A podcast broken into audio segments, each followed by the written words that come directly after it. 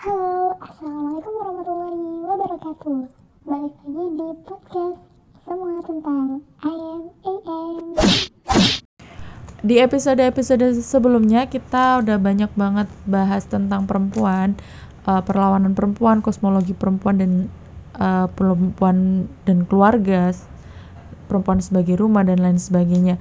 Nah kali ini kita bakal uh, mengulik atau membahas salah satu tokoh perempuan pejuang yang gak lain dan gak bukan adalah cucu dari Rasulullah SAW, uh, saudara dari Imam Hussein yakni Sayyidah Zainab.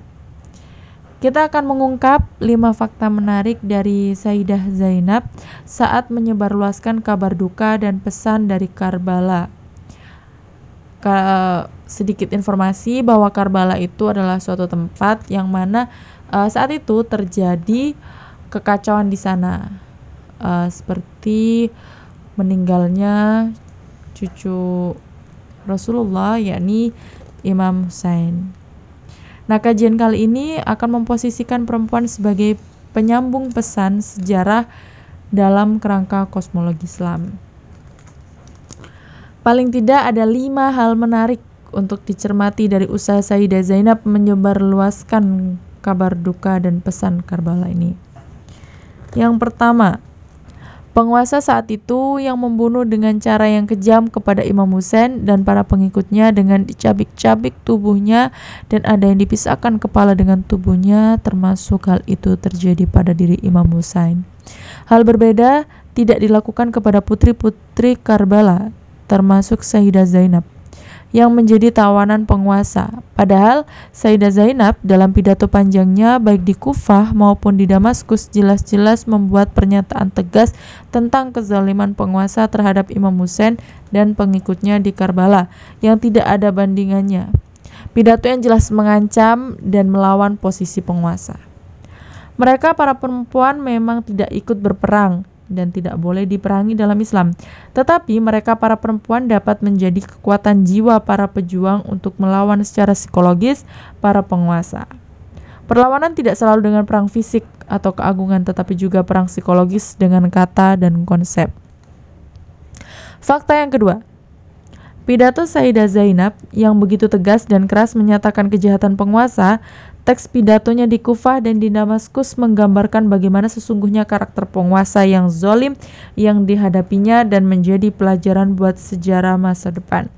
Pidato Sayyidah Zainab sebagai penafsir utama tragedi Karbala mengandung pesan sejarah yang menggambarkan bagaimana konteks struktur ketidakadilan penguasa.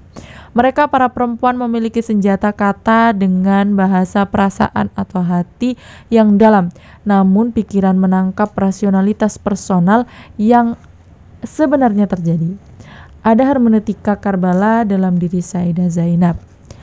Fakta yang ketiga, peran Zay Sayyidah Zainab yang tidak dikenal tidak kenal menyerah menyampaikan pesan duka cita atas terbunyi terbunuhnya Al-Husain kepada masyarakat sekitar yang dilaluinya dalam keadaan tekanan fisik dan psikis. Hijabnya dibuka secara paksa dan pakaian mereka compang-camping, dihinakan dengan diarak keliling kota. Sayyidah Zainab berusaha menjelaskan jati diri mereka kepada masyarakat yang banyak di antaranya tidak tahu bahwa para tawanan itu adalah putri Imam Ali yang pernah menjadi khalifah yang dihormati dan disegani di istana yang kini diduduki oleh penguasa yang membunuh dan menawan putri-putri Imam Ali dan keluarganya. Perjuangan mereka para perempuan yang tidak ada hentinya untuk mengungkapkan siapa diri mereka Perjuangan bagi jiwa perempuan adalah perjuangan identitas mereka sebagai rumah cinta. Fakta yang keempat, peran Sayyidah Zainab dalam menjaga Ali Zainal Abidin atau putra Al-Husain untuk kelak melanjutkan kepemimpinan Imam Hussein. Sayyidah Zainab menjalankan peran besar dan utama dalam mengkontinyukan sejarah kepemimpinan Islam pada keluarga Nabi. Mereka para perempuan adalah penjaga sejarah sekaligus meneruskan sejarah kemanusiaan dengan prinsip keadilan. Perempuan juga adalah subjek utama peletak dasar sejarah. Kandungan batin sejarah dalam filsafat sejarah tersimpan rapi di jiwa perempuan. Fakta yang kelima, latar belakang Sayyidah Zainab yang menjadi lebih kuat dan bahkan sangat tegar menghadapi situasi pasca kematian Imam Hussein dibanding sebelum kematian Al-Husain. Padahal sebelum kematian Imam Hussein, Sayyidah Zainab adalah seorang ibu dan adik bagi Al-Husain, mengikuti wasiat ibundanya Fatimah Az-Zahra. Namun setelah kematian Al-Husain, Sayyidah Zainab seharusnya berada dalam duka yang menyayat hati sehingga cenderung tak berdaya. Namun, dengan tekanan duka dan tekanan penguasa yang zolim justru membuat Sayyidah Zainab menjadi lebih kuat dalam memperjuangkan hak dan kehormatan Ahlul Bait Nabi. Kematian Al-Husain justru semakin menguatkan jiwanya bahwa sejarah ketertindasan ini tidak boleh didiamkan dan berlarut-larut. Mereka para perempuan menyimpan potensi perlawanan yang sangat besar yang justru semakin ditindas mereka para perempuan semakin kuat. Perempuan adalah faktor penting kebangkitan kemanusiaan dan keadilan. Pada akhirnya, mereka para perempuan adalah pencatat sejarah sejati yang dituliskan di jiwanya yang tidak dapat dihapuskan oleh paksaan kekuasaan sekalipun. Dan mereka para perempuan akan menuliskan itu kembali dan tidak ada kekuasaan manusia sekuat apa pun yang mampu menghalangi pesan itu sampai kepada masyarakat. Mereka mereka memang mungkin uh, intelektual tentang perempuan tidak banyak tertulis menjadi buku pegangan sejarah bahkan mungkin banyak ditutupi dalam sejarah karena sejarah mereka hanya tertulis dalam jiwa mereka.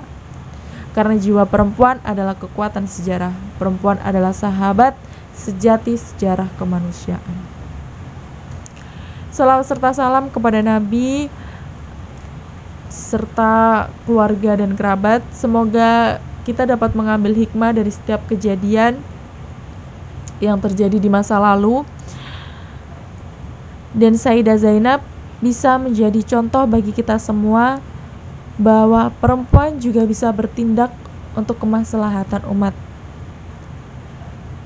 Dan semoga kita selalu dalam lindungan Allah.